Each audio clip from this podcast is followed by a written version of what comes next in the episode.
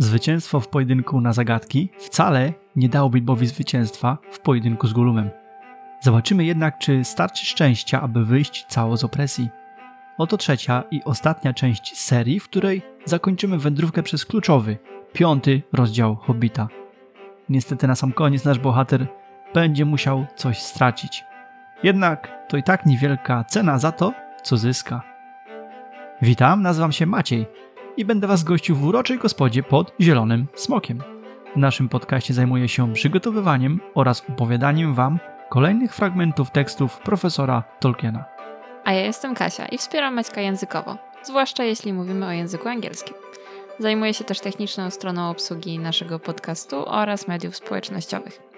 Nie będziecie mnie tu zbyt dużo słyszeli, ale będę zawsze na zapleczu. Gospoda pod Zielonym Smokiem to miejsce przyjazne wszystkim podróżnikom i podróżniczkom.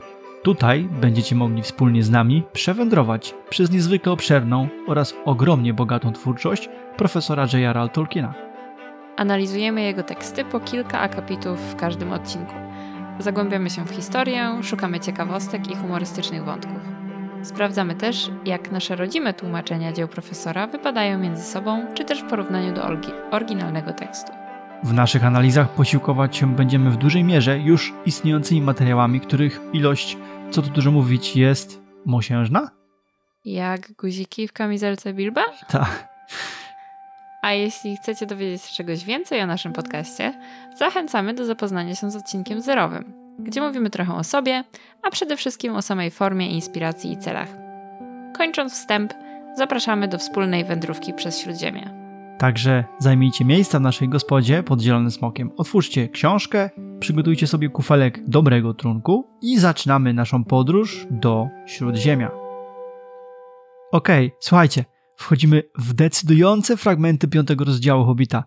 Wydarzą się tu sprawy, które mocno, bardzo wręcz znacząco wpłyną na los całego Śródziemia, więc naprawdę będzie o czym mówić.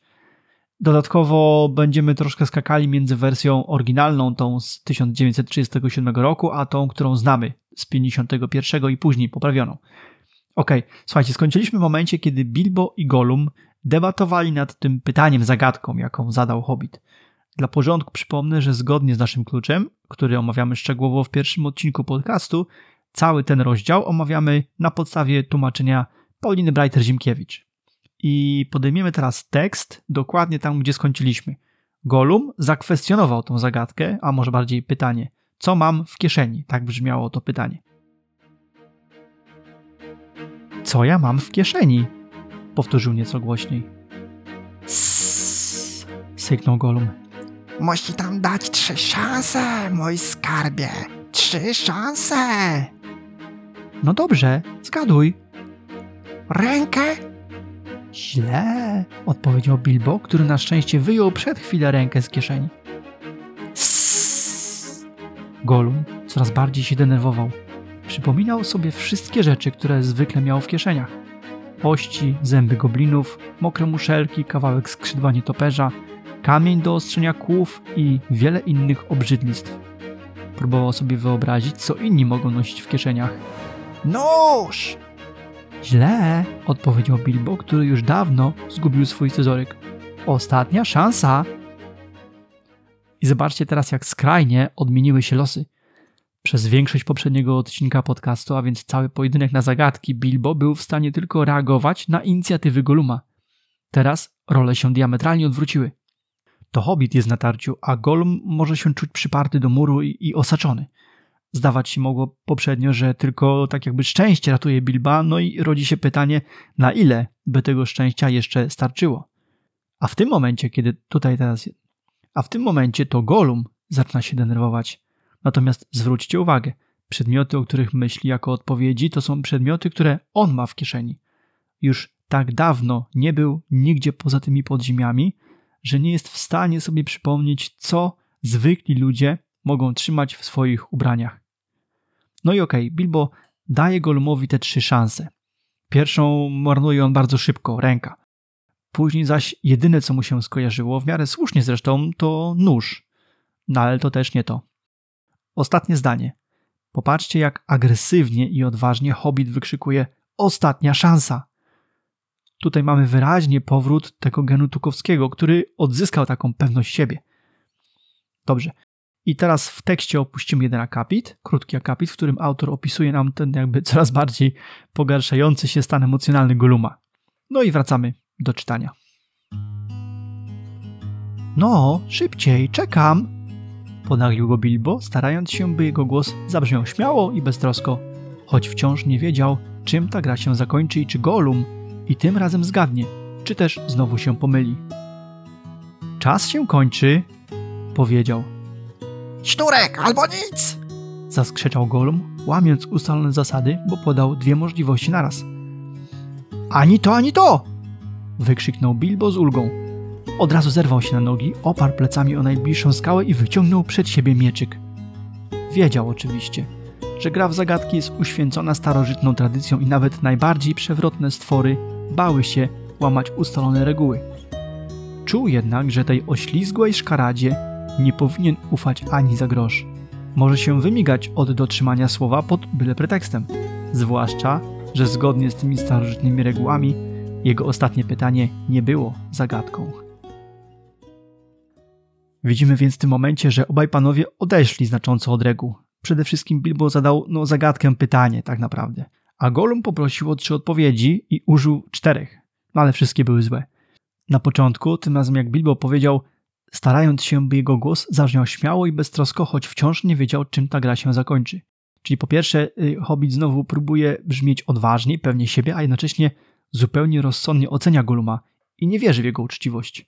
To bardzo dobra zmiana w sposobie myślenia Bilba.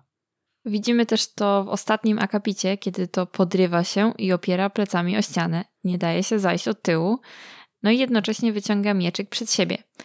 Jak na poziom amato- amatorszczyzny, który już kilka razy wytykałeś naszej kompanii, to jest zmiana na plus, albo przynajmniej na jakiś plusik. No, zasłużyli na to. Ale mam wrażenie, że Gollum wiedział i widział, chociażby po sposobie trzymania broni, E, przez Hobita, że, że no nie jest on za bardzo wyszkolony w jej obsłudze. Wydaje mi się, że ktoś z doświadczeniem w walce rozpoznałby od razu tę amatorkę. E, w tym ostatnim akapicie Bilbo przyznaje sam przed sobą, że zagrał nieuczciwie. Bilbo to wie, że to ostatnie pytanie nie było tak naprawdę zagadką. I tylko dzięki temu, że Golum no jakby nie zaprotestował tak bardziej stanowczo, intensywnie, to gra była kontynuowana. W następnym momencie, którego nie będziemy czytali, Golum siada i myśli. Poczekaj jeszcze moment, bo tutaj y, myślę, że warto wrócić jeszcze do tego ostatniego akapitu, bo mamy tam bardzo istotną zmianę w stosunku do pierwszej wersji książki z 1937 roku, tej, której wspominałeś na początku. I posłuchajcie. And he jumped at once to his feet, put his back to the nearest wall, and held out his little sword.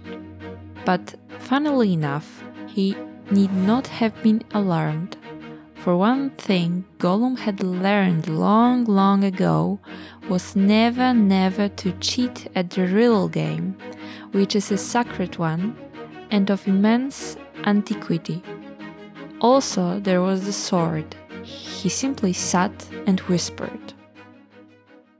Tak więc Bilbo, podobnie jak w wersji późniejszej, opiera się plecami o tą ścianę i wyciąga mieczyk, tak jak Maciek przeczytał przed chwilą. Zaraz jednak autor nas informuje, że niepotrzebnie, bo Gollum ma bardzo mocno wpojoną uczciwość w grze w zagadki. Dodatkowo Bilbo ma mieczyk, więc Gollum tylko siada i szepta. Tak, te, te zmiany od drugiej edycji, te późniejsze zmiany były podyktowane właśnie dopasowaniem Golluma do bycia posiadaczem jedynego pierścienia, a nie jednego z wielu pierścieni niewidzialności. Pamiętacie, mówiliśmy o tym w poprzednim odcinku. A w tej pierwszej edycji Golem był uczciwy. On miał wpojoną tą uczciwość w grze, w zagadki. Nie śmiał oszukiwać. Tak, i tutaj może dla nowych bywalców Zielonego Smoka przypomnienie. Twoje ulubione, prawda? E, może dawno, być. dawno o tym nie wspominałeś. Hobbit został wydany po raz pierwszy w 1937 roku. I potem było długo, długo nic. Czytelnicy nie wiedzieli o co chodzi z tym pierścieniem, z mieczami z gondolinu, co to w ogóle był ten gondolin, no i wiele innych znaków zapytania. No ale Hobbit sam w sobie jako książka był sukcesem. I potem mamy poprawkę Hobbita z 1951 roku, która dopasowuje treść fabuły do Władcy Pierścieni, którego wydanie już nadchodziło w 1954 roku. I wtedy czytelnicy dostali troszkę więcej szczegółów. Okej, okay, mam nadzieję, że teraz wszystko jasne. Oddaję Ci głos. Się tylko dopowiem. Tolkien skończył pisać Władcę w zasadzie na, pod koniec lat 40., w zasadzie w 50 roku był Władca Pierścieni gotowy. Natomiast wiedział w tym momencie już autor, że musi dopasować Hobbita, dlatego ta poprawka, dlatego ta zmiana i ta druga edycja z 51. Ok, słuchajcie, zauważcie jeszcze raz, że ten Golum, 30, Golum, Golum rocznik 37 naprawdę chciał grać uczciwie. On nadal był gotów zjeść Bilba w wyniku wygranej. Gdyby wygrał, chciał go zjeść. Ale jednocześnie był w pełni gotów dotrzymać słowa i faktycznie dać Hobbitowi prezent.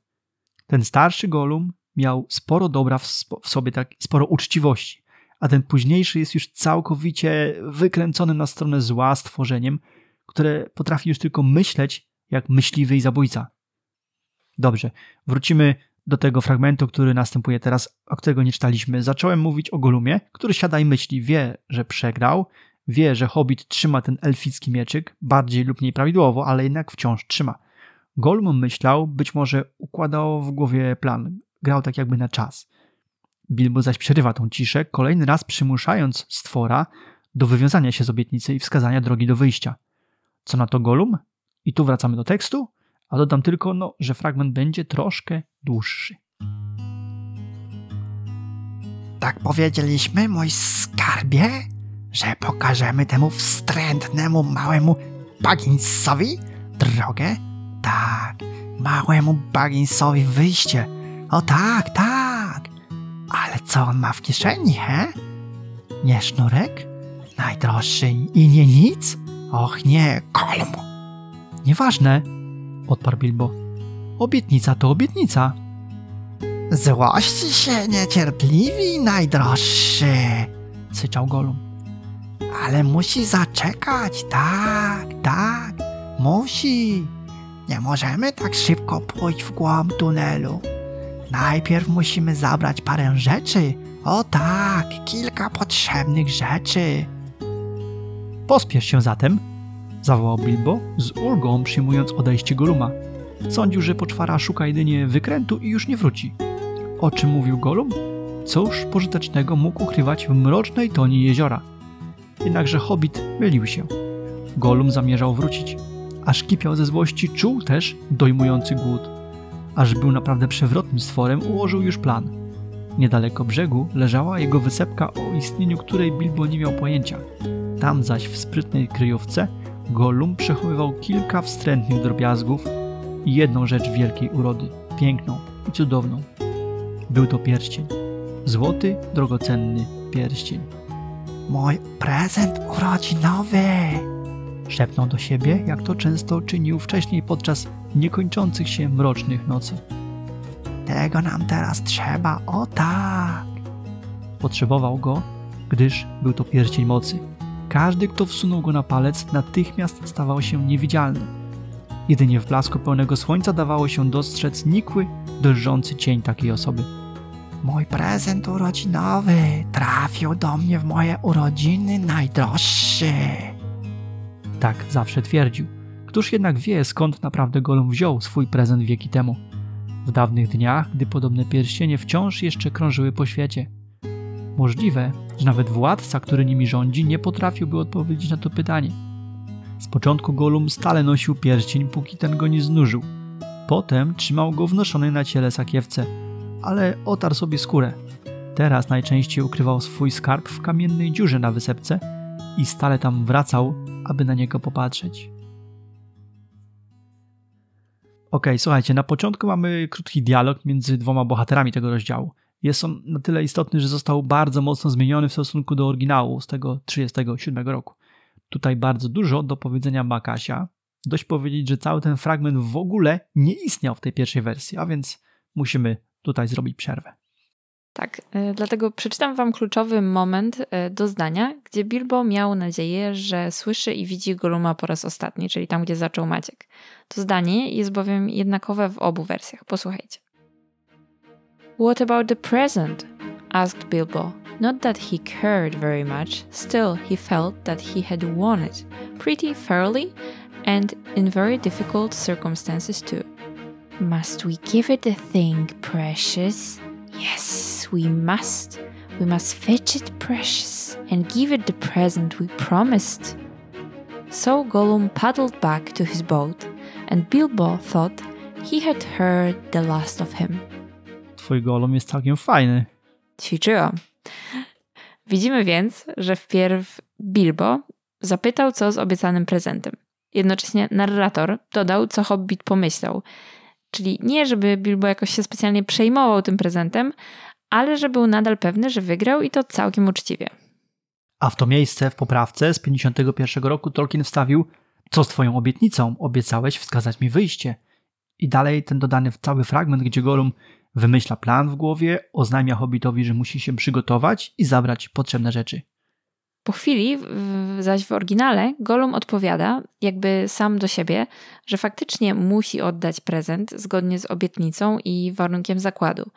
I to zdanie właśnie po poprawce zniknęło całkowicie.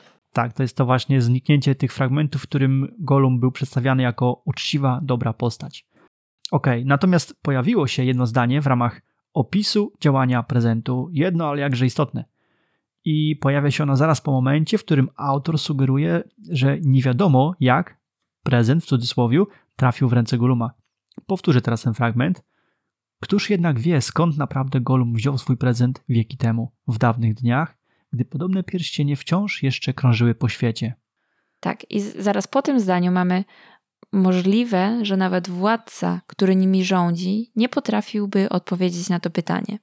I w oryginale to zdanie brzmi: Perhaps even the master who ruled them could not have said. I pojawia się nam tutaj ten tajemniczy master, czyli władca, który kiedyś rządził takimi pierścieniami. Użycie tu słowa władca, jeszcze pisanego z wielkiej litery, jest wyraźną sugestią, o kim mowa. Łącząc wyraz władca ze słowem pierścień, mamy od razu tytuł, jakim sam obdarzył się Sauron. To bardzo sugestywne zdanie, odbierające jakiekolwiek wątpliwości co do pochodzenia tego pierścienia. Zobaczmy jeszcze tylko szybko, jak przetłumaczyli to pozostali. Czyli tłumaczenie, na podstawie którego czytamy ten rozdział, mamy władca.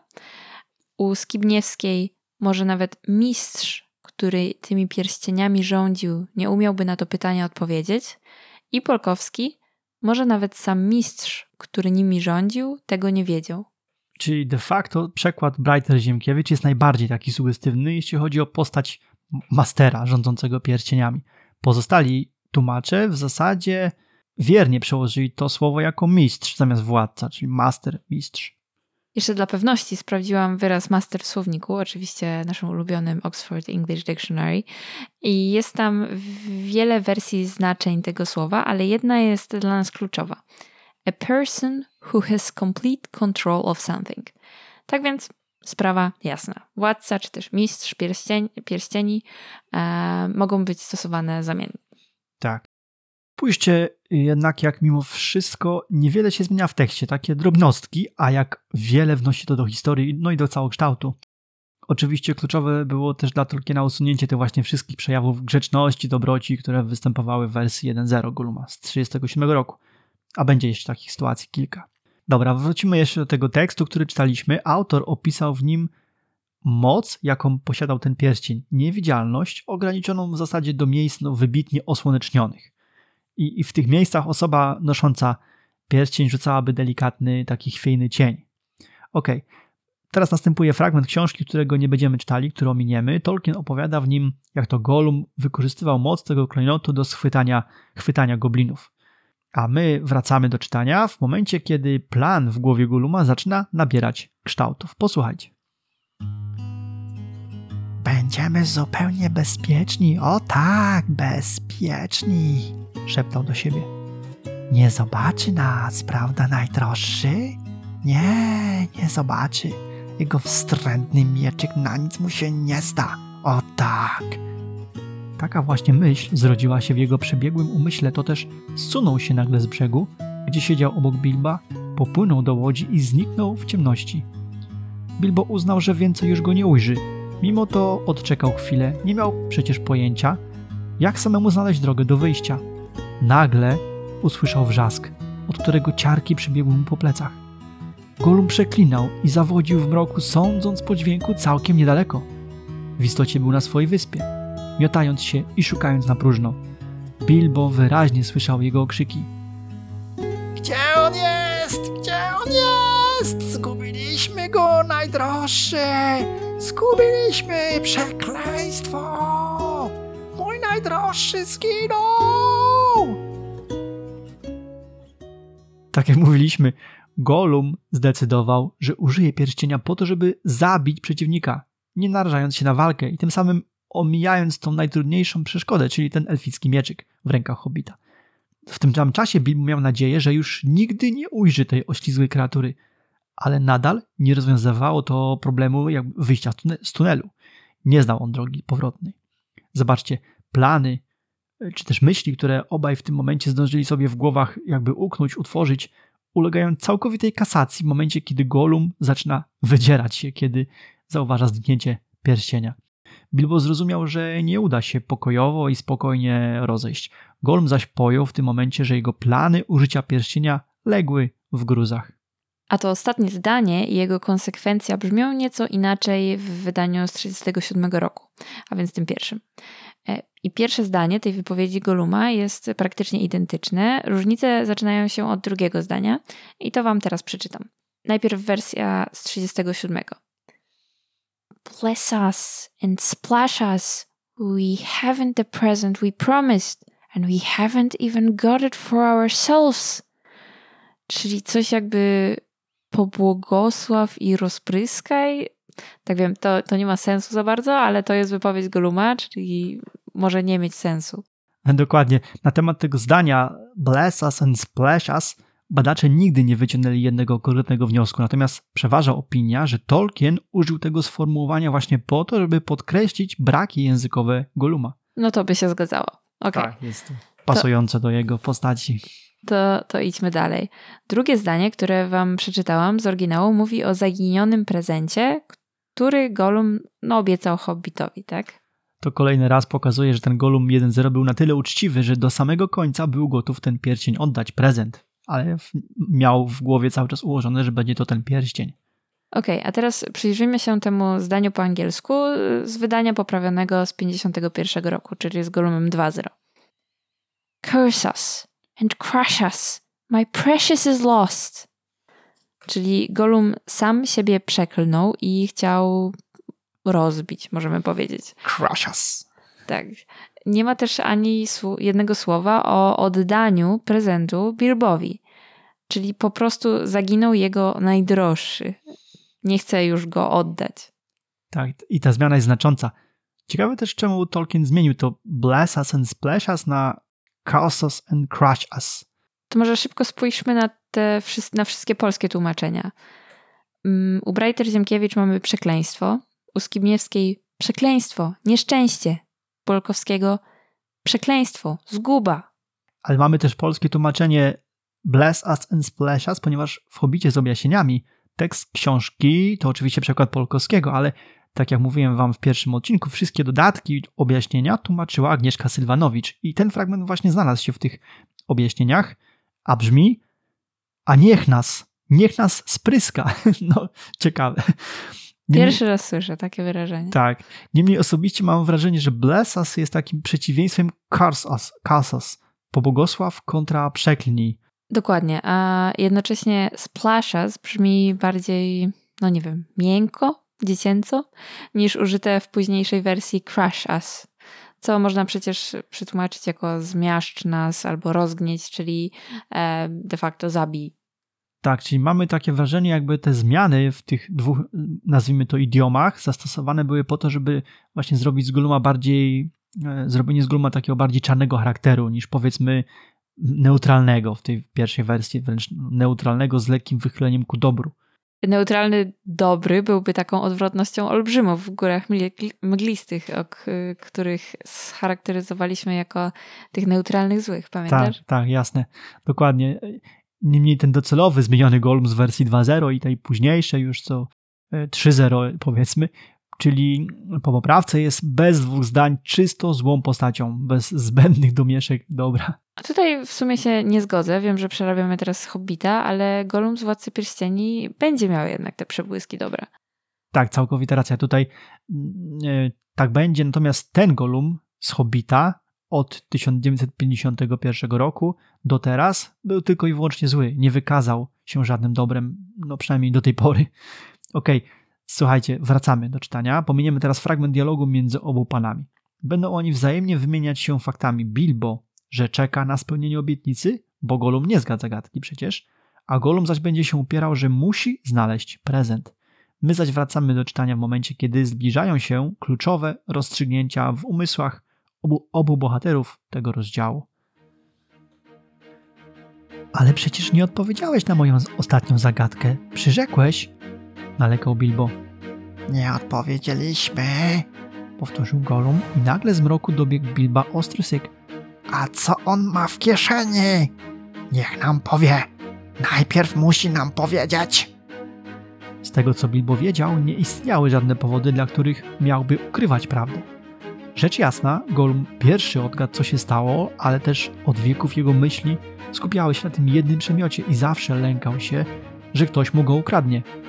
Jednakże opór stwora zirytował Bilba. Ostatecznie wygrał całkiem uczciwie, podejmując straszliwe ryzyko. Odpowiedź trzeba zgadnąć, nie podaje się jej za darmo, rzekł. Ale to nie było uczciwe pytanie, odparł Gollum. Nie zagadka, nie najdroższy. Cóż, jeśli mówimy tu o zwykłych pytaniach, odparł Bilbo, to ja pierwsze zadałem moje. Co zgubiłeś? Powiedz mi. Co on ma w kieszeni? Syk zabrzmiał głośniej i wyraźniej. Spoglądając w stronę, z której dobiegał Bilbo, ku swemu przerażeniu ujrzał dwa małe punkciki światła, spoglądające na niego z mroku. Gdy w umyśle Goluma zrodziło się pierwsze podejrzenie, jego oczy zajaśniały niczym białe płomyki. Co zgubiłeś? nalegał Bilbo. Oczy Goluma były jak wielkie plamy zielonego ognia. Coraz szybciej zbliżały się do hobita. Golum znów znalazł się w łodzi i wiosłował zawzięcie w stronę ciemnego brzegu. Jego serce trafił pożar rozpaczy i podejrzeń tak silny, że stwór nie bał się już żadnego miecza. Bilbo nie miał pojęcia, co tak rozwścieczyło oślizgłego stwora. Zorientował się jednak, iż Golum odrzucił wszelkie pozory i najwyraźniej zamierza go zabić. W ostatnim momencie hobbit odwrócił się i pobiegł na oślep, ciemnym korytarzem, którym wcześniej przyszedł. Trzymał się blisko ściany i przesuwał po niej lewą rękę. No, słuchajcie, akcja przyspiesza i to mocno. Wchodzimy w decydujące fragmenty, ale tu się dzieje. Póki co wszystko rozgrywało się w takim pojedynku słownym, no, w rozmowie. Teraz zaś wygląda na to, że czas przejść do czynów. Pierwsze co, Gollum zaczyna podejrzewać, że coś tu jest nie tak i zadaje kluczowe pytanie: co on ma w kieszeni? Hobbit nie czuje potrzeby odpowiadania, mimo że nie było powodów ukrywania prawdy, a przynajmniej nie z punktu widzenia Bilba, jednak argumentuje on tą sytuację prostym stwierdzeniem: zagadkę trzeba rozwiązać. Kolejny syk i pytania Golluma dobiegają jakby z bliższej odległości. A w momencie, kiedy Bilbo spogląda w stronę, z której dochodzi dźwięk, zauważa zbliżające się świecące oczy. Zwróćcie uwagę, najpierw te oczy świecą białym światłem, chwilę później już zielonym. Ten zielony pierwiastek w kolorze oczu Goluma będzie oznaką narastającej wściekłości. Będziemy to często obserwować na łamach dwóch wież, książki, którą zgodnie z naszym planem zaczniemy analizować za jakieś 3 lata. I tak faktycznie jest. Golum jest wściekły. Popatrzcie, jego serce trawił pożar rozpaczy i podejrzeń tak silny, że stwór nie bał się już żadnego miecza. Tak było w tekście, czyli mieczyk już nie był przeszkodą. Był tak bardzo zrozpaczony stratą pierścienia i wściekły, że był gotów na wszystko, dosłownie. Na szczęście Bilbo orientuje się w tym wszystkim, no i zaczyna biec w stronę, z której przybył, trzymając się ręką ściany. Akcja przyspiesza gwałtownie, jesteśmy na skraju kluczowych wydarzeń. Pozwolę sobie jednak na chwilę zwolnić. Dlaczego?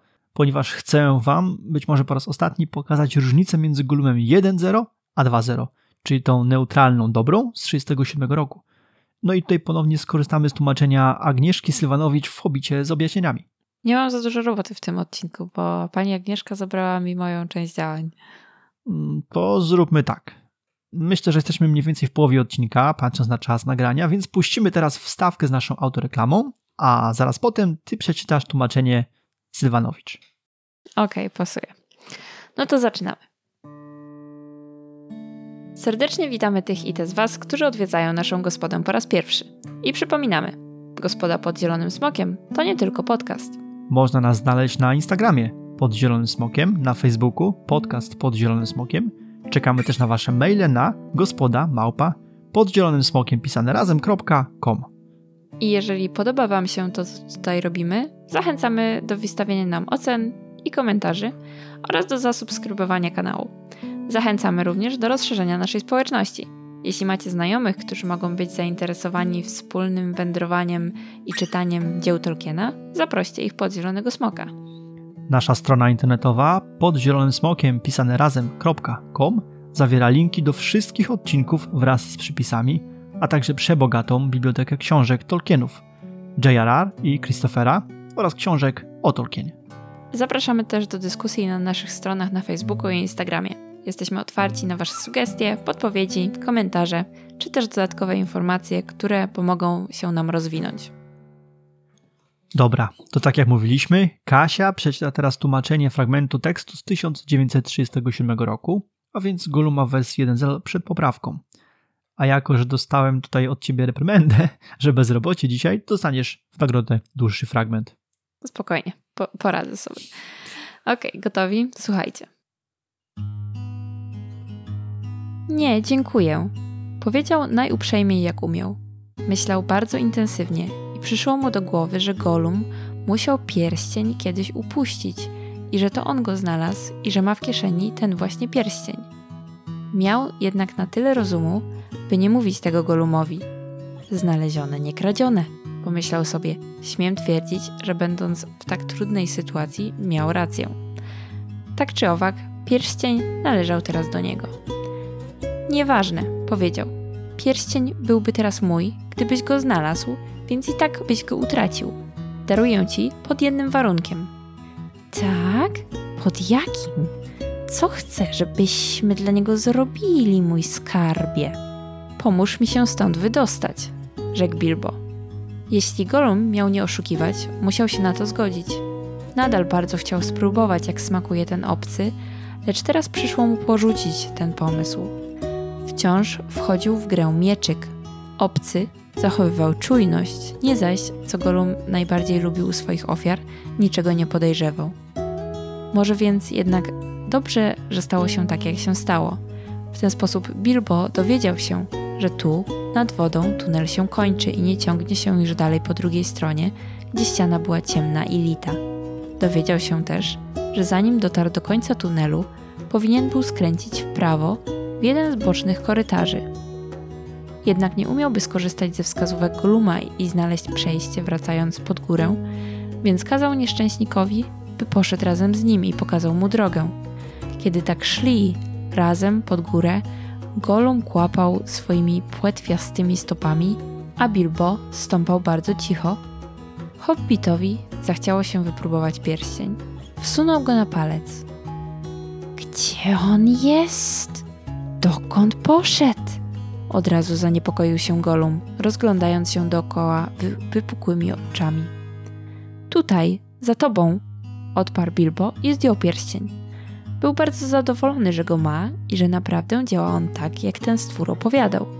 Szli więc dalej, a Golum liczył korytarze po lewej i prawej stronie. Jeden w lewo, jeden w prawo, drugi w prawo, trzeci w prawo, drugi w lewo i tak dalej. Trząsł się ze strachu, bo coraz bardziej oddalał się od swojego jeziora. W końcu zatrzymał się przed niskim otworem w lewej ścianie, gdy szło się w górę. Szósty w prawo, czwarty w lewo, to jest ten korytarz, szepnął. Musi się do niego wcisnąć i ostrożnie przemknąć. Nie mamy odwagi i z nim mój skarbie, nie, nie mamy odwagi, kolum. Bilbo wślizgnął się więc pod łukowate sklepienie, pożegnawszy tego paskudnego, nieszczęsnego stwora. Bardzo się z tego cieszył. Poczuł się swobodnie dopiero wtedy, gdy nabrał pewności, że jego przewodnik odszedł. No, świetnie, Kasia, bardzo dziękujemy. Wiecie, muszę tak mówić, żeby moja podcasto partnerka nie poczuła się niedoceniona. Tak, jasne. Słyszałam. Dobra, słuchajcie, odkładamy żarty na bok. Zwrócimy uwagę na trzy kluczowe elementy, które różnią ten tekst od tego późniejszego, poprawionego, który za chwilę przeczytamy. Pierwsze co Golum, żeby zadośćuczynić Bilbowi za brak obiecanego prezentu, podejmuje się z zapałem wskazania hobbitowi drogi do wyjścia. Czyli dobrowolnie chce mu wskazać drogę. Po drugie, Bilbo na moment zakłada pierścień, żeby sprawdzić, jak działa. No i reakcja Gulma potwierdza, że faktycznie zapewnia mu niewidzialność. Po trzecie zaś panowie żegnają się wręcz w przyjaźni w miejscu granicznym dla Goluma, czyli w miejscu, gdzie bał on się postąpić chociażby krok dalej. I zobaczcie też, jak coraz bardziej narasta u niego strach w momencie, kiedy oddalają się od jeziorka. Tak jest, także no, poznaliśmy już tę, wspólnie tą wersję z 1937 roku, czyli tę oryginalną. Teraz zaś wracamy już chyba na stałe do czytania tekstu z wydania drugiego i późniejszych, czyli tekstu zawierającego poprawkę dopasowującą wydarzenia w tym rozdziale do treści Władcy Pierścieni i charakter Goluma. Pamiętajcie, pamiętajcie przed przerwą, Bilbo zaczął uciekać w górę korytarza, zanim zaś pędzi wściekły Golum z zielonymi oczami, ciągle pytając o zawartość kieszeni w kamizelce Hobita. I wracamy do czytania. Ciekawe, co ja tam właściwie mam? Powiedział do siebie zdyszany Bilbo, chwiejnie biegnąc naprzód. Włożył lewą dłoń do kieszeni. Pierścień był bardzo zimny, gdy sam wsunął się na jego palec wskazujący. Syczenie było już bardzo blisko. Hobbit odwrócił się i ujrzał oczy Goluma. Dwa, dwie zielone latarenki, pędzące wprost ku niemu. Przerażony usiłował przyspieszyć kroku, nagle jednak natrafił stopą na skalny próg i runął na ziemię, przykrywając ciałem błyszczący mieczyk. W jednej chwili Golum doścignął go, lecz zanim Bilbo zdołał cokolwiek zrobić, odzyskać oddech, pozbierać się, unieść broń, Golum minął go, nie zwracając uwagi na hobita. Biegnąc, przeklinał i szeptał do siebie. Co to mogło znaczyć? Golum świetnie widział w ciemnościach. Bilbo nawet z tyłu dostrzegał słabe blaski jego oczu. Obolały podniósł się z ziemi i wsunąwszy do pochwy miecz, który jarzył się słabym blaskiem, ostrożnie ruszył w ślad za stworem. Nie pozostało mu zresztą nic innego, powrót nad jezioro na nic by się nie zdał. Może jeśli za nim pójdzie, Golum mimowolnie doprowadzi go do wyjścia. I zobaczcie tutaj, pierścień wsuwa się Bilbowi mimowolnie na palec w momencie, kiedy Hobbit zaczyna grzebać sobie w kieszeni. Chwilę potem zauważa on zbliżającego się z tyłu Goluma z tymi wściekle zielonymi oczami. No i w tym momencie potyka się, wywraca, no i szczęście w nieszczęściu przykrywa ciałem świecący mieczyk. Jak się pewnie można domyślać, jego blask narastał, gdyż szli w kierunku, gdzie, gdzie były gobliny. Okej, okay, Golum przebiega, nie zauważając leżącego hobita. I właśnie w tej chwili Bilbo powoli zaczyna pojmować, że pierścień zapewnia mu niewidzialność. Schował mieczyk, no i poszedł za Golumem, z nadzieją, że ten wskaże mu drogę. Kolejny odcinek, w którym mamy potężny roller coaster emocji. I paradoksów. Zobaczcie, Gollum myśli, że goni Bilba. Hobbit tymczasem liczy na to, że biegnąc za tym dziwnym stworem dojdzie do wyjścia, czyli de facto Bilbo goni Gruma. Ale kluczowe jest tutaj zwrócenie uwagi na różnicę w stosunku do tego pierwszego tekstu z 1937 roku, który czytałam chwilę wcześniej. Tak, tak. Właśnie tam mówiliśmy po pierwsze, że ten Golum 1.0, ten pierwszy, dobrowolnie zgodził się wskazać wyjście Hobbitowi. Tutaj zaś mamy sytuację, kiedy jednym, jedynym celem w zasadzie Goluma jest, no, jest zabicie Bilba. Tak, i po, po, drugie, w tamtej wersji Bilbo wypróbował pierścień z własnej woli, bo chciał sprawdzić, czy działa, a w tym fragmencie, który przed chwilą usłyszeliście, czyli już po poprawkach, pierścień wyraźnie wsunął się sam na palec hobbita. I to chyba nie jest ostatni raz w legendarium, kiedy pierścień robi coś przypadkiem, prawda? Tak, tak, dokładnie. Będą takie sytuacje później w następnych wydarzeniach, jeszcze w tej książce, ale przede wszystkim we Władcy Pierścieni. Niemniej słuchajcie, akcja przyspiesza. Zobaczmy, co będzie dalej. Ominiemy teraz trzy długie zdania. Bilbo, domyślając się, co się dzieje, podąża za Golumem, ten zaś gadając sam do siebie, zastanawia się, jak zgubił pierścień. I teraz wracamy do tekstu w momencie, kiedy coś tutaj się wydarzy.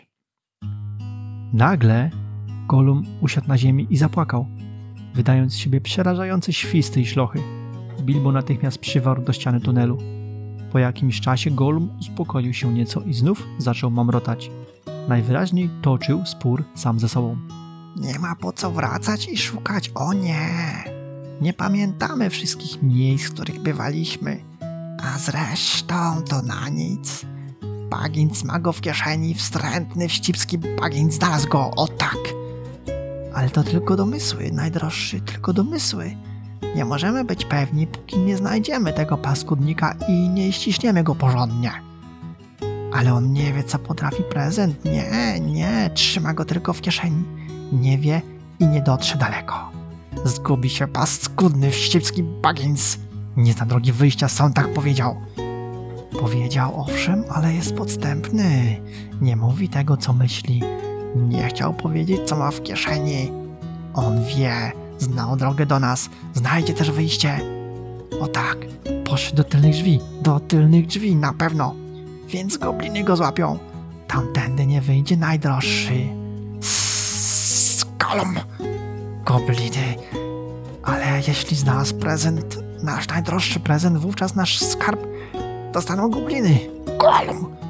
Dowiedzą się, dowiedzą się co potrafi, nigdy już nie będziemy tu bezpieczni. Golum! Któryś z nich założy go, a wtedy nikt takiego goblina nie zobaczy. Przyjdzie tu niewidzialny, nawet nasze bystre oczy go nie dostrzegą, a on zakradnie się do nas po cichu i złapie nas. Golum! Golum! Przestańmy więc gadać, najdroższy, i pospieszmy się. Jeśli Baggins poszedł tamtędy, musimy biec za nim i sprawdzić. Idźmy już niedaleko, szybko! Okej, słuchajcie, Golum zajeżdża moje gardło. Kluczowy moment. Kolejny kluczowy moment, ale no jak to w tym rozdziale jest napakowany treścią i wydarzeniami po brzegi. Genialny rozdział, mówiłem na samym początku. Dobra, słuchajcie, Golum zatrzymuje się, a Bilbo przywiera do ściany. Zaczyna się wewnętrzny, choć na głos, ale dialog Goluma. I tu od razu chciałbym sprostować sytuację, bo na to zwróciło uwagę wielu badaczy. Otóż film nieco zniekształcił tutaj jakby obraz psychiki Goluma i zrobił z niego trochę schizofrenika, czyli dwie osobowości, Goluma i Smigola. W książce takiego podziału nie ma. Stwór ten jest przyzwyczajony do rozmawiania tylko i wyłącznie sam ze sobą, ale jest to tak samo naturalne jak dla każdego z nas rozważanie wewnętrzne za i przeciw w momencie dokonywania wyborów jakiegokolwiek. Ta rozmowa Goluma przybiera charakter taki właśnie, taki właśnie za i przeciw, ale te różne, często przeciwstawne głosy to jedynie tak jakby optymistyczna i pesymistyczna wersja, opcja, jaką miał on w tym momencie. To nie jest dobry, w nawiasie Smigol i zły, czyli Golum, fragment jego osobowości. To tak, żebyście dobrze zrozumieli tego stwora. A, a co ciekawe, w oryginale e, ten dialog wewnętrzny Goluma jest zapisany tak, jak byłby faktycznie dialogiem, czyli każdy jakby inny głos dostaje osobną linijkę w tekście. Natomiast w polskim tłumaczeniu jest to jeden ciąg zdań, które są zapisane jako jeden długi akapit. Dobrze. Co ciekawe, słuchajcie, zobaczcie, to przyzwyczajenie Goluma do rozmawiania sam ze sobą jest też jakby w tym momencie przyczyną jego porażki, bo nieświadomie zdradza on y, przed stojącym za jego plecami niewidocznej postaci Bilbem, zdradza swoje zamiary. Przede wszystkim mówi o tylnych drzwiach, czyli wschodnim wyjściu z tunelu, miejscu, do którego hobbit tak bardzo pragnie dotrzeć. Golum z kolei będzie próbował zdążyć tam przed wstrętnym Bagginsem i odciąć mu drogę. Hobbitowi nie poznaje nic innego, jak podążać za nim. Tak więc rozpoczyna się wędrówka w stronę wyjścia i tu nie będziemy teraz czytali tych akapitów, w których Golum odlicza kolejne boczne tunele od pierwszego po lewej do następnego. Wracamy zaś przy siódmym po prawej. To ten sam fragment był podobny do tego, co czytała, czytała Kasia w wersji z 1937 roku, więc pominiemy, a teraz będzie dłuższy fragment, ale niezwykle istotny, kluczowy, definitywnie kluczowy. Siódmy po prawej, tak. Szósty po lewej, tak. Szepnął. To tutaj. To jest droga do tylnych drzwi, tak, ten korytarz. Zajrzał do środka i cofnął się natychmiast. Ale nie śmiemy tam wejść, najdroższy, nie śmiemy. Są tam gobliny, mnóstwo goblinów. Czujemy ich woń. Co mam robić? Przekleństwo!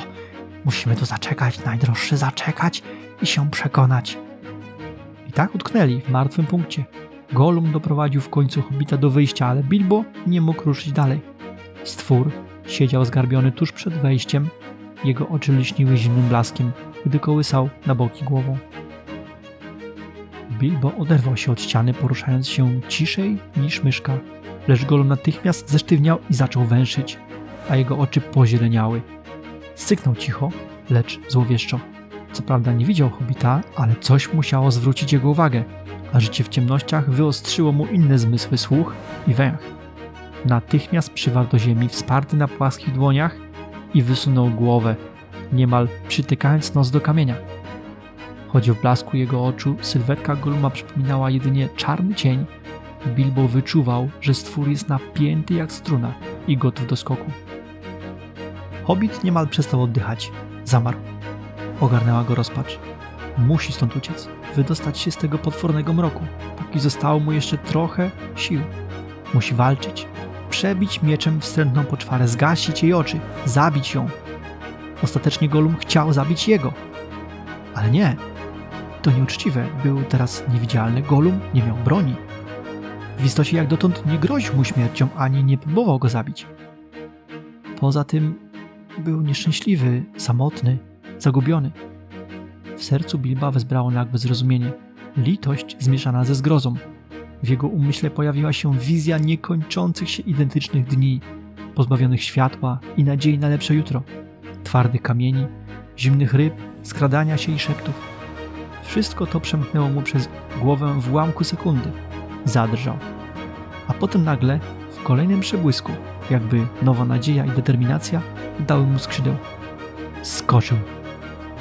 Dla człowieka nie byłby to może imponujący skok, ale pamiętajmy, że działo się to w ciemnościach. Bilbo przeleciał tuż nad głową Goluma, trzy stopy wzwyż i siedem w przód. W istocie, choć tego nie wiedział, o mały włos nie roztrzaskał sobie czaszki o niskie sklepienie. Gdy hobbit śmignął nad nim, Golum rzucił się do tyłu i usiłował go złapać. Zbyt późno jednak. Jego palce schwyciły powietrze. Bilbo zaś wylądował na swych mocnych stopach i popędził tunelem. Nie odwracał się sprawdzić, co robi Golum. Z początku słyszał tuż za sobą syki i przekleństwa, po chwili jednak dźwięki ucichły. I nagle ciszę rozdarł mrożący krew w żyłach wrzask, przepełniony nienawiścią i rozpaczą. Golum został pokonany. Nie śmiał pójść ani kroku dalej. Przegrał. Stracił swą zdobycz, a także jedyną rzecz, jaką kiedykolwiek kochał swój skarb. Krzyk sprawił, że żołądek podszedł Bilbowi do gardła, jednakże hobbit biegł dalej, nie zatrzymując się. Z tyłu dobiegł go głos, cichy jak echo, lecz budzący grozę. Złodziej, złodziej Baggins! Nienawidzimy go! Nienawidzimy! Nienawidzimy na wieki!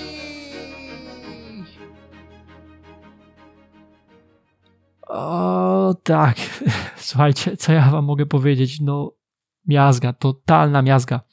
Słuchajcie, no czytałem ten fragment kilkanaście razy w swoim życiu, w tym dwa razy na głos i za każdym razem mam ciarki. To jest totalna po prostu demolka w głowie czytelnika. Nawet nie wiem od czego zacząć. No, długi fragment nieprzypadkowo.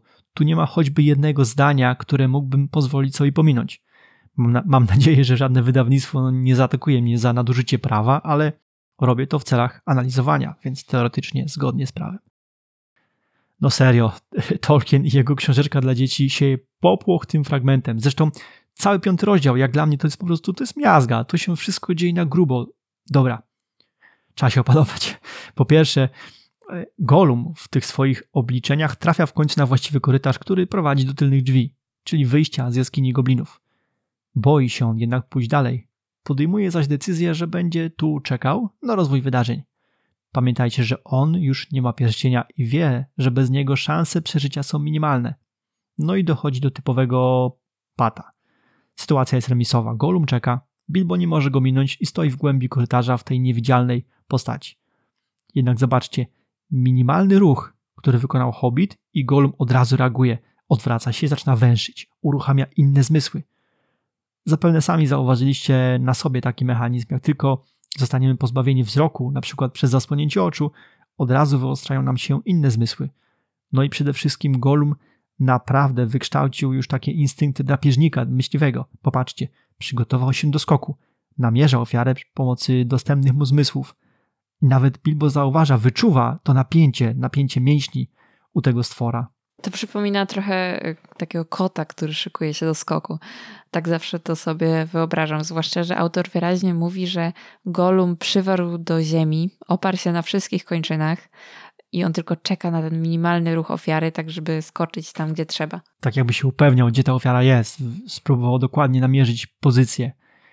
I zobaczcie, co się dzieje z Hobbitem. Ogarnia go rozpacz. On niemal przestał oddychać. To sugeruje nam, jak bardzo spowolnił czas w tym dokładnie momencie historii. Zauważcie, cały piąty rozdział to kwestia kilku, może kilkunastu godzin. Tak, właśnie, zależy jak długo Bilbo wędrował w dół tunelem, yy, zanim doszedł do jeziorka. Karen yy, W. Fonstadt w swoim atlasie podaje mniej więcej miejsce, w którym Hobbit stracił kontakt ze światem. Tak, czyli to miejsce, mamy na myśli miejsce, kiedy na koniec czwartego rozdziału, poprzedniego rozdziału, atak goblinów doprowadził do upadku Bilba i uderzenia głową o kamień.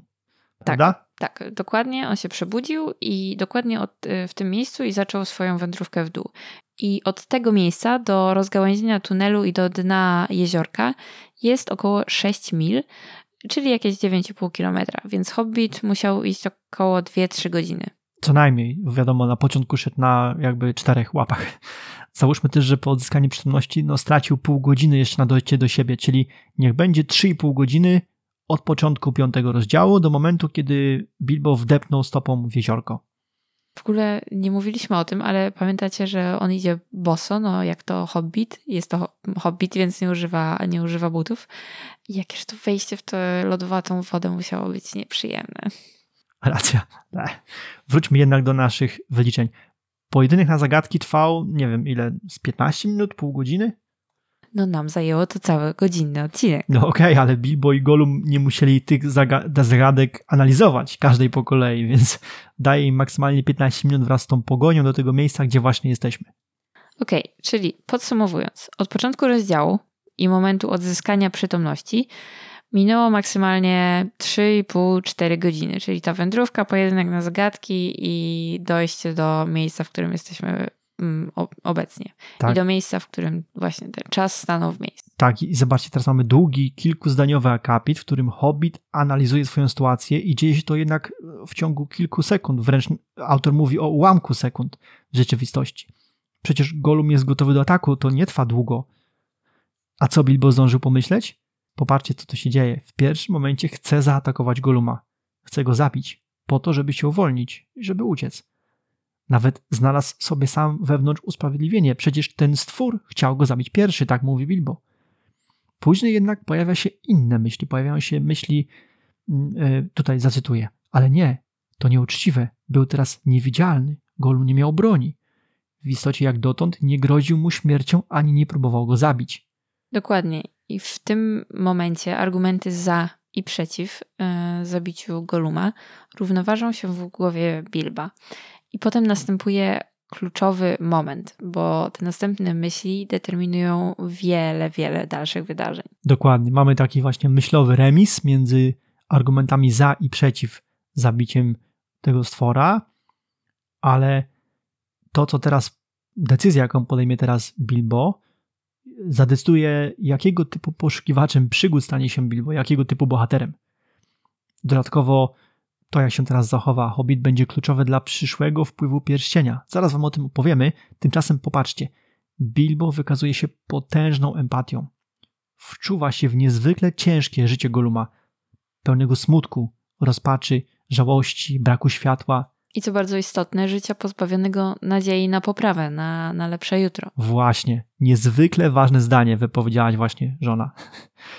Tutaj podeprzemy się analizą twórców PPP, Prancing Pony Podcast. Mówią oni w swoim podcaście, jak istotne jest zrozumienie pojęcia nadziei, jej braku i rozpaczy. To jest jakby jeden ciąg.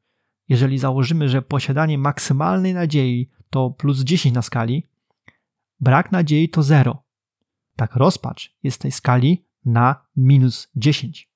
A w przeciwieństwie do zdawać by się mogło logicznego ze skalowania, nadzieja na plus 10, brak nadziei na minus 10, a y, zero to ten stan środkowy. Tak, Tak. można to chyba porównać do miłości nienawiści, nie? że miłość to jest plus 10, nienawiść to jest minus 10, a zero to jest brak tego i tego, czyli to nie jest na jednej skali nie ma miłości i braku miłości, tylko miłość i nienawiść. Tak mi się to kojarzy. Okej, słuchajcie, jest to bardzo istotne, zrozumienie pojęcia nadziei i wiary w kontrze do desperacji i rozpaczy w twórczości Tolkiena. Będzie tego, tego takiej sytuacji bardzo dużo we Władcy Pierścieni. Ale wracamy do tu i teraz. Bilbo zdążył w tym ułamku sekundy dojść do zrozumienia Goluma. Zrozumienia, że on nie ma prawa go zabić. Nikt nie ma prawa nikogo zabijać. Niemniej pojął też on, że Golum to stwór żyjący w zasadzie blisko minus 10 na tej skali, blisko rozpaczy i blisko do desperacji. Ale jakkolwiek daleka jest droga do powrotu charakteru Goluma na tą drugą stronę skali, jakkolwiek byłaby ona trudna, wyboista, to Bilbo nie ma moralnego prawa zrezygnować z podjęcia tej próby. Dlaczego? Bo Bilbo ma nadzieję, bo on jest po tej drugiej stronie skali i do tego jest tam no, stabilnie zakorzeniony po tej drugiej stronie. No a na- nadzieja, wiara w dobro jest tym, co odróżnia dobre charaktery od złych. Bardzo często w wielu historiach na złą stronę przychodzą ci, którzy utracili wiarę i nadzieję, jak choćby y, w naszym legendarium Saruman. Tak, to jest doskonały przykład. A, a, a po drugiej stronie bieguna postać, która chyba nigdy nie utraciła nadziei, no jest sam Gamgee. To są dwa idealne przykłady tego właśnie zagadnienia. Skrajnych dwóch krańców wartości tej samej skali. Tak, sam to jest chyba mój ulubiony bohater, znaczy zaraz po Aragornie. Sam to jest, myślę, mój ulubiony bohater z, tą jego, z tym jego pozytywnym myśleniem. No i pamiętajcie, pamiętajcie też o tej skali, bo wchodzi ona na zawsze już do analizy y, dzieł Tolkiena. I już w następnym rozdziale będziemy używać jej po raz kolejny. W którym momencie? Gandalf na sośnie? A, racja, racja. Dobra, nic więcej teraz nie powiemy. Okej, czyli zobaczcie, co tu się wydarza. Obdarzony nadzieją Bilbo nie zabija Goluma, dlatego że ta nadzieja nakazuje mu próbować tego stwora uleczyć z tej jego rozpaczy. Dobra. I zanim Bilbo przeskoczy Goluma, musimy zwrócić uwagę na jeszcze jeden motyw, również niezwykle istotny. Chodzi o sposób, w jaki Hobbit wszedł w posiadanie pierścienia. I żeby dobrze zrozumieć, przytoczymy znowu fragment tutaj rozmowy Froda z Gandalfem. Kolejny raz jest to cytat z rozdziału Cień Przeszłości i kolejny raz w tłumaczeniu Andrzeja Łozińskiego. Oczywiście mówimy o Władcy Pierścieni, pierwszym tomie. Zaczynamy od jednego zdania Froda, posłuchajcie. Żałuję, że Bilbo nie zadźgał tej kreatury, kiedy miał potem okazję. Żałujesz? To żal powstrzymał jego rękę. Żal i litość nie pozwoliły mu zabijać bez potrzeby. I wierz mi, Frodo, hojną za to zyskał odpłatę. Możesz być pewny, że zło otarło się o niego, ale zdołał się przed nim uchronić, gdyż od aktu litości rozpoczęło się jego posiadanie pierścienia. Tak, czyli dzięki tej litości okazanej w tym właśnie momencie Bilbo uchronił się przed negatywnymi skutkami posiadania pierścienia, a przynajmniej ograniczył je w dużym stopniu do minimum. Bilbo zresztą jest praktycznie jedyną postacią w legendarium, która zarówno zdobyła, jak i oddała pierścień zupełnie dobrowolnie i właśnie przez okazanie miłosierdzia. No i drugą taką postacią, jak się nie mylę, jest e, sam Gamgee. Z tym, że no to były zupełnie inne okoliczności. Tak, właśnie, ale no, przede wszystkim posiadał pierścień przez kilkadziesiąt godzin w zasadzie, a nie przez wiele lat. No tak, ale y, to nie jest y, część tej historii, którą aktualnie czytamy, więc wróćmy do Hobbita. Dobra, słuchajcie. To, o czym rozmawiamy przez 10 minut, dzieje się w ułamku sekundy w umyśle Hobbita. W efekcie końcowym podejmuje on decyzję no, i skacze. Skacze nad swoim prześlad- prześladowcą. Chce się uwolnić, nie krzywdząc Goluma. Co się jednocześnie wydarza? Golum rzuca się w kierunku miejsca, w którym jeszcze przed sekundą był Hobbit. Oczywiście chwyta tylko powietrze, Bilbo zaś lecąc trzy stopy wzwyż i siedem w przód. Czyli prawie metr w górę i ponad dwa metry do przodu. Z miejsca. Dodam, Hobbit. dodam ty właśnie, dodam tylko, że dla dorosłego skoczyć dwa metry z miejsca, dla niedbającego o sportową część swojego ciała, no jest bardzo trudne. A Hobbit w zasadzie mierzył tyle, ile 10, nie wiem, 12-latek. Ile skoczysz z miejsca? Nie wiem, nie wiem kiedy robiłam coś takiego ostatni raz. No mi się kojarzy, że kiedyś udawało mi się przeskoczyć taki materac gimnastyczny, czyli coś ponad 2 metry, ale nie jestem pewien.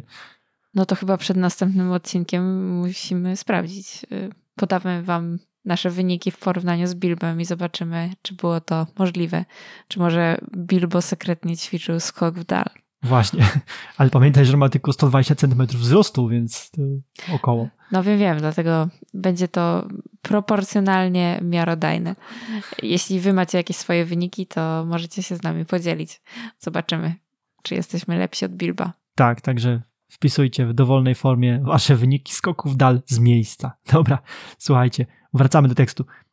Dodatkowo autor mówi, że Bilbo minął o włos wystający kawałek skały. Byłby rozbił sobie głowę. Kolejny motyw szczęścia w tym rozdziale.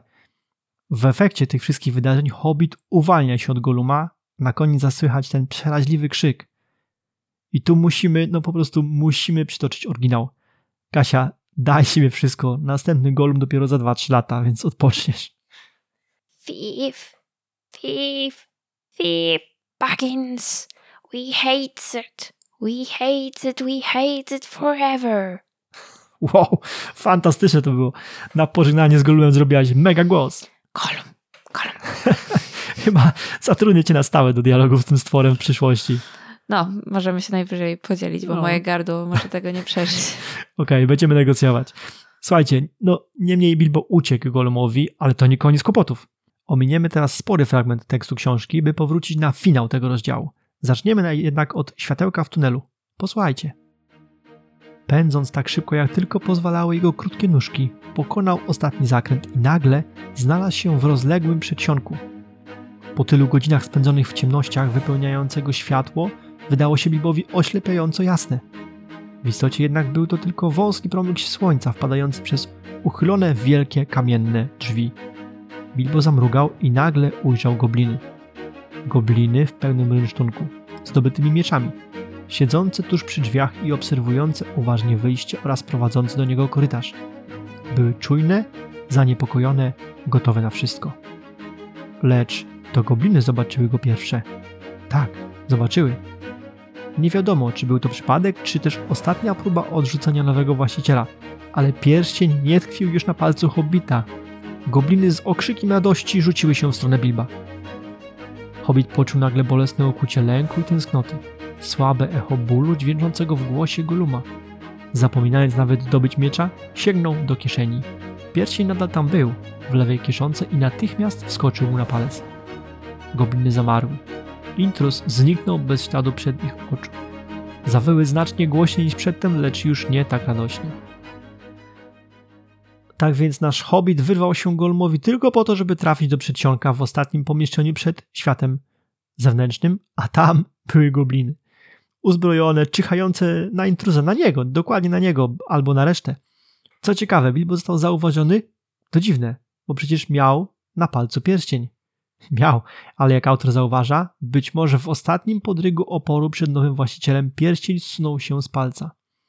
Słuchajcie, pierścień w tej wersji od 1951 roku był, yy, był tworem Saurona.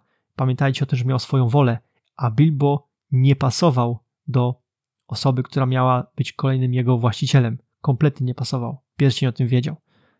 No i na szczęście pierścień zsuwa się do kieszeni. Bilbo szybko się zreflektował i wsunął klejnot na palec. No i choć zniknął, to gobliny już go zaczęły szukać, zostały zaalarmowane. I tutaj w zasadzie tuż przed tą sceną jest ostatnia znacząca różnica pomiędzy wydaniem pierwszym a drugim. Chyba ostatnia, bo poprzednio mówiłem, że to będzie ostatni, a teraz jest ostatni, ostatni. Dobra, no to tego się trzymajmy.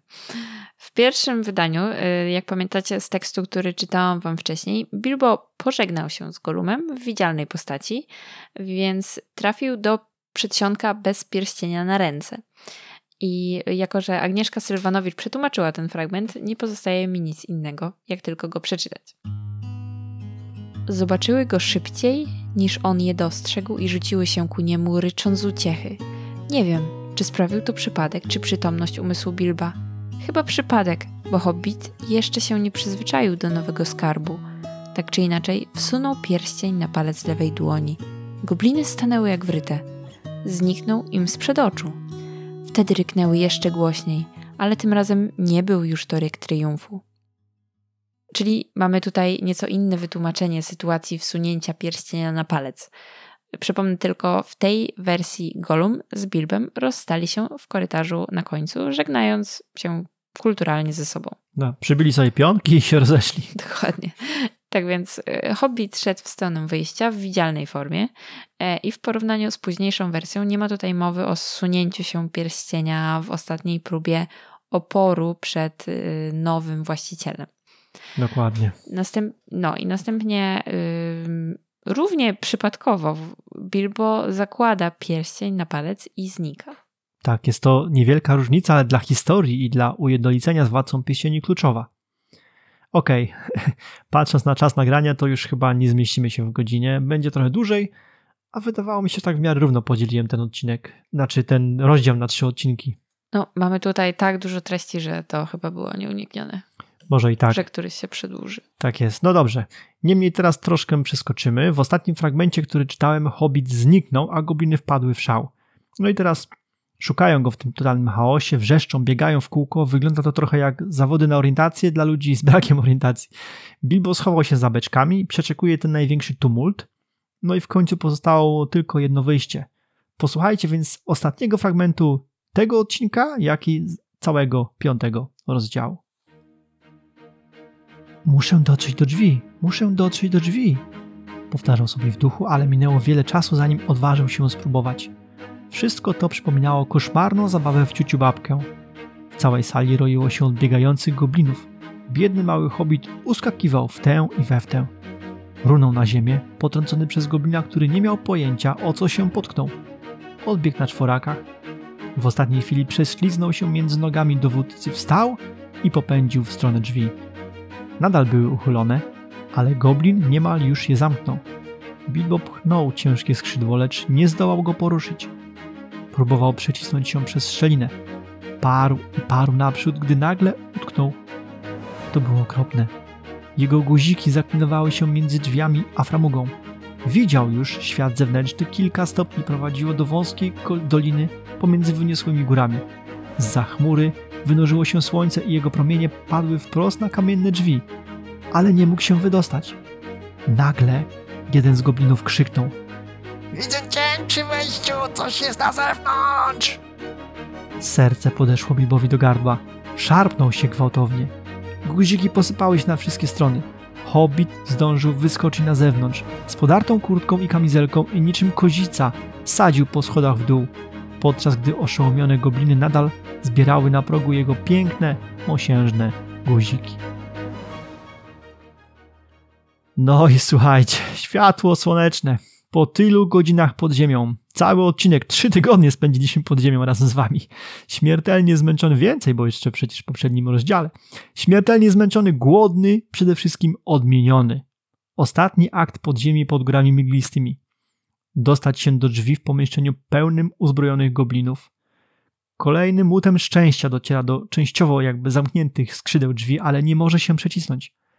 Klinują mu się guziki kamizelki.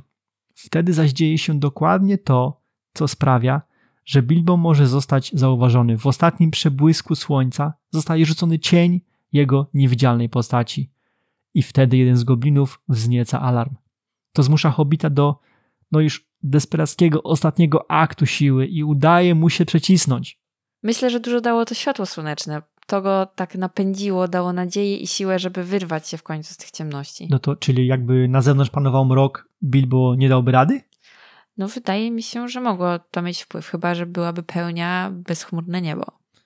No w sumie masz, masz sporo racji. Ale ten moment wyjścia staje się dla Bilba faktycznym przełomem w życiu. Spójrzcie, gdyby nie udało mu się wydostać, wszystkie wydarzenia, znalezienie pierścienia, pojedynek z Golumem, odnalezienie tej odwagi w tej mega trudnej sytuacji nie miałoby znaczenia. Ten akt miłosierdzia wobec Goluma nie miałoby znaczenia. A tak, do jaskini goblinów został wciągnięty Bilbo Baggins. Ale po drugiej stronie tej jaskini, po drugiej stronie gór mglistych wyszedł już ktoś zupełnie inny. Wygląda tak samo, tak samo się nazywa. To nie jest już jednak ta sama postać. To, jak bardzo dojrzał hobbit w ciągu tych kilkudziesięciu godzin pod ziemią. Nie będzie miało miejsca już nigdzie później tak szybkie, gwałtowne dojrzewanie hobita. Symbolicznym momentem zerwania z tym wygodnickim Bilbem jest oderwanie tych mosiężnych guzików, pięknych mosiężnych guzików kamizelki. w, w oryginale te mosiężne guziki to brass buttons, czyli możemy powiedzieć, że urwanie guzików uczyni, uczyniło z tego w cudzysłowie kupca prawdziwego bohatera? Śmiesznie brzmi. Nie wiem, czy mosiężne guziki mogą uczynić z kogokolwiek bohatera, ale brzmi to na tyle fajnie, że myślę, mamy, mamy w tym momencie gotowy tytuł rozdziału. Tak, właśnie się zastanawiałam, czy, czy znajdziemy jakieś sensowne. A, a, propos, a propos sensownych tytułów rozdziału, to na Facebooku mieliśmy komentarz ostatnio na temat naszego loga. Tak, y, Michał y, jakiś czas temu zapytał, czy nasz podcast to Mortal Kombat w Śródziemiu. E, I nie pomyślałam, ale nasze logo faktycznie trochę przypomina mm, taki symbol smoka z Mortal Kombat. I Tam ten jest taki tak- czerwony, nie? Taki takie czarno-pomarańczowe kółko. No u nas też jest kółko, ale, mm, ale zielono, zielono-czarne. E, No, można pomyśleć, że, że podobne. E, No tak, u nas nie będzie żadnych walk, ale brzmi to jak dobry tytuł odcinka. Tak, może, Może- wykorzystamy to w przyszłości. Mortal Kombat w Śródziemiu, słuchajcie, będzie jak Legolas będzie walczył z jakimiś stworami, to się na pewno przyda. No może kiedyś będzie pasował. Zobaczymy. Dobra, słuchajcie, no tak więc kawałek mosiądzu nie czyni bohaterem. Mamy tytuł odcinka. Dobra, Bilbo wyszedł. Uciekł w dół dolinki, kryjąc się w cieniu drzew. Tutaj w zasadzie rozdział piąty się kończy. No, słuchajcie, no co tu powiedzieć, no nieźle. Czas na podsumowanie. Słuchajcie, chciałem wam na koniec zwrócić uwagę na jedną kwestię, a mianowicie na e, poziom szczęścia, który to na tych 20 kartkach osiągnął jakby apogeum. Idźmy więc po kolei. Najpierw po odzyskaniu przytomności obiera kierunek, w którym pójdzie. Szczęśliwie dobry kierunek. Idąc zaś na czworaka, jeszcze większym łutem szczęścia trafia dłonią na pierścień. Zobaczcie, jak bardzo mało prawdopodobne to zdarzenie w ogóle no, było, żeby trafić ręką na pierścień, idąc na czworaka po korytarzu, który był szeroki, długi. Później przypadkowo trafia na najedzonego Goluma. W innym wypadku zostałby pożarty bez żadnego teleturnieju. Tak. A podczas konkursu najpierw ryba szczęśliwie wyskakuje mu na nogę, no pomógł trochę Golum. Chwilę później zaś y, przypadkowo udaje mu się przez zaschnięte gardło wypowiedzieć tylko jedno słowo czas. Jest ono odpowiedzią na zagadkę Goluma.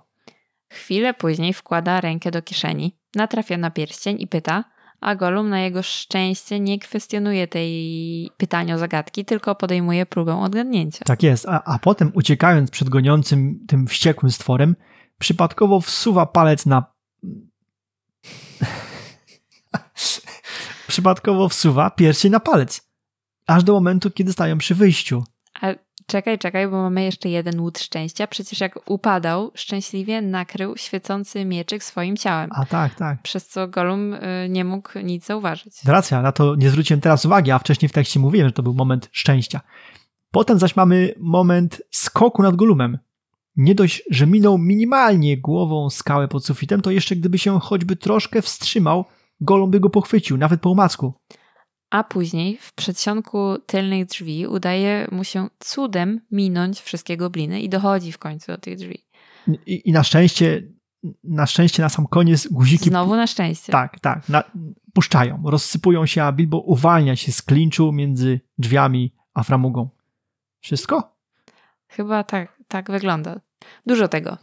Naliczyłem 13 przypadków szczęścia. Idealna liczba pasująca do pojęcia szczęście Jakula. No, trzynastka i szczęście to jest para najbardziej dobrana na świecie. Ciekawe, czy Tolkien to przewidział. Nigdzie o tym nie wspomniał ani, ani on, ani żaden z badaczy, przynajmniej nie, nie spotkałem się z tym. Także znów nasz wkład w tolkienistykę. Normalnie jeszcze trochę i zasłużymy na jakiś dyplom. No jasne. Słuchajcie, to była wielka frajda pracować nad tym mistrzowskim, arcyciekawym i niezwykle istotnym rozdziałem. Mamy nadzieję, że, że Wam też się podobało i być może otworzyliśmy Wam oczy na nowe elementy tej historii. Albo pozwoliliśmy utrwalić e, ten fragment książki wraz z jego niebywałą wagą i, i kompletnością. Nie da się ukryć też, że góry mgliste, a bardziej ich podziemia stały się granicą między starym a nowym Bilbem. Za tydzień zobaczymy, jak ten inny, w pewnym sensie lepszy hobbit poradzi sobie po wyjściu z jaskini goblinów. Natomiast to by było na tyle, jeśli chodzi o dzisiejszy odcinek. Dziękujemy bardzo za Wasz czas spędzony pod Zielonym Smokiem. Pamiętajcie, czekamy na Wasze maile i pytania w mediach społecznościowych. Postaramy się najciekawsze zagadnienia czy komentarze poddać publicznej analizie na łamach tegoż podcastu. Nie zapomnijcie też kliknąć subskrypcji w Waszej ulubionej aplikacji. Przypisy do wykorzystanych w tym epizodzie cytatów oraz innych materiałów znajdziecie w bibliografii odcinka na naszej stronie internetowej oraz w opisie. Tam mamy też e, pełną, bardzo bogatą bibliotekę książek i innych mediów, z których korzystamy tworząc ten podcast. A w oczekiwaniu na kolejny odcinek zapraszamy do przeczytania szóstego rozdziału. w którym na plac gry wkroczą kolejni przeciwnicy, tym razem czworonożni. Au! Do usłyszenia w podcaście pod Zielonym Smokiem za tydzień. I jak mówił Gandalf, niech wiatr niesie wasze skrzydła tam, gdzie słońce żegluje i gdzie przechadza się księżyc.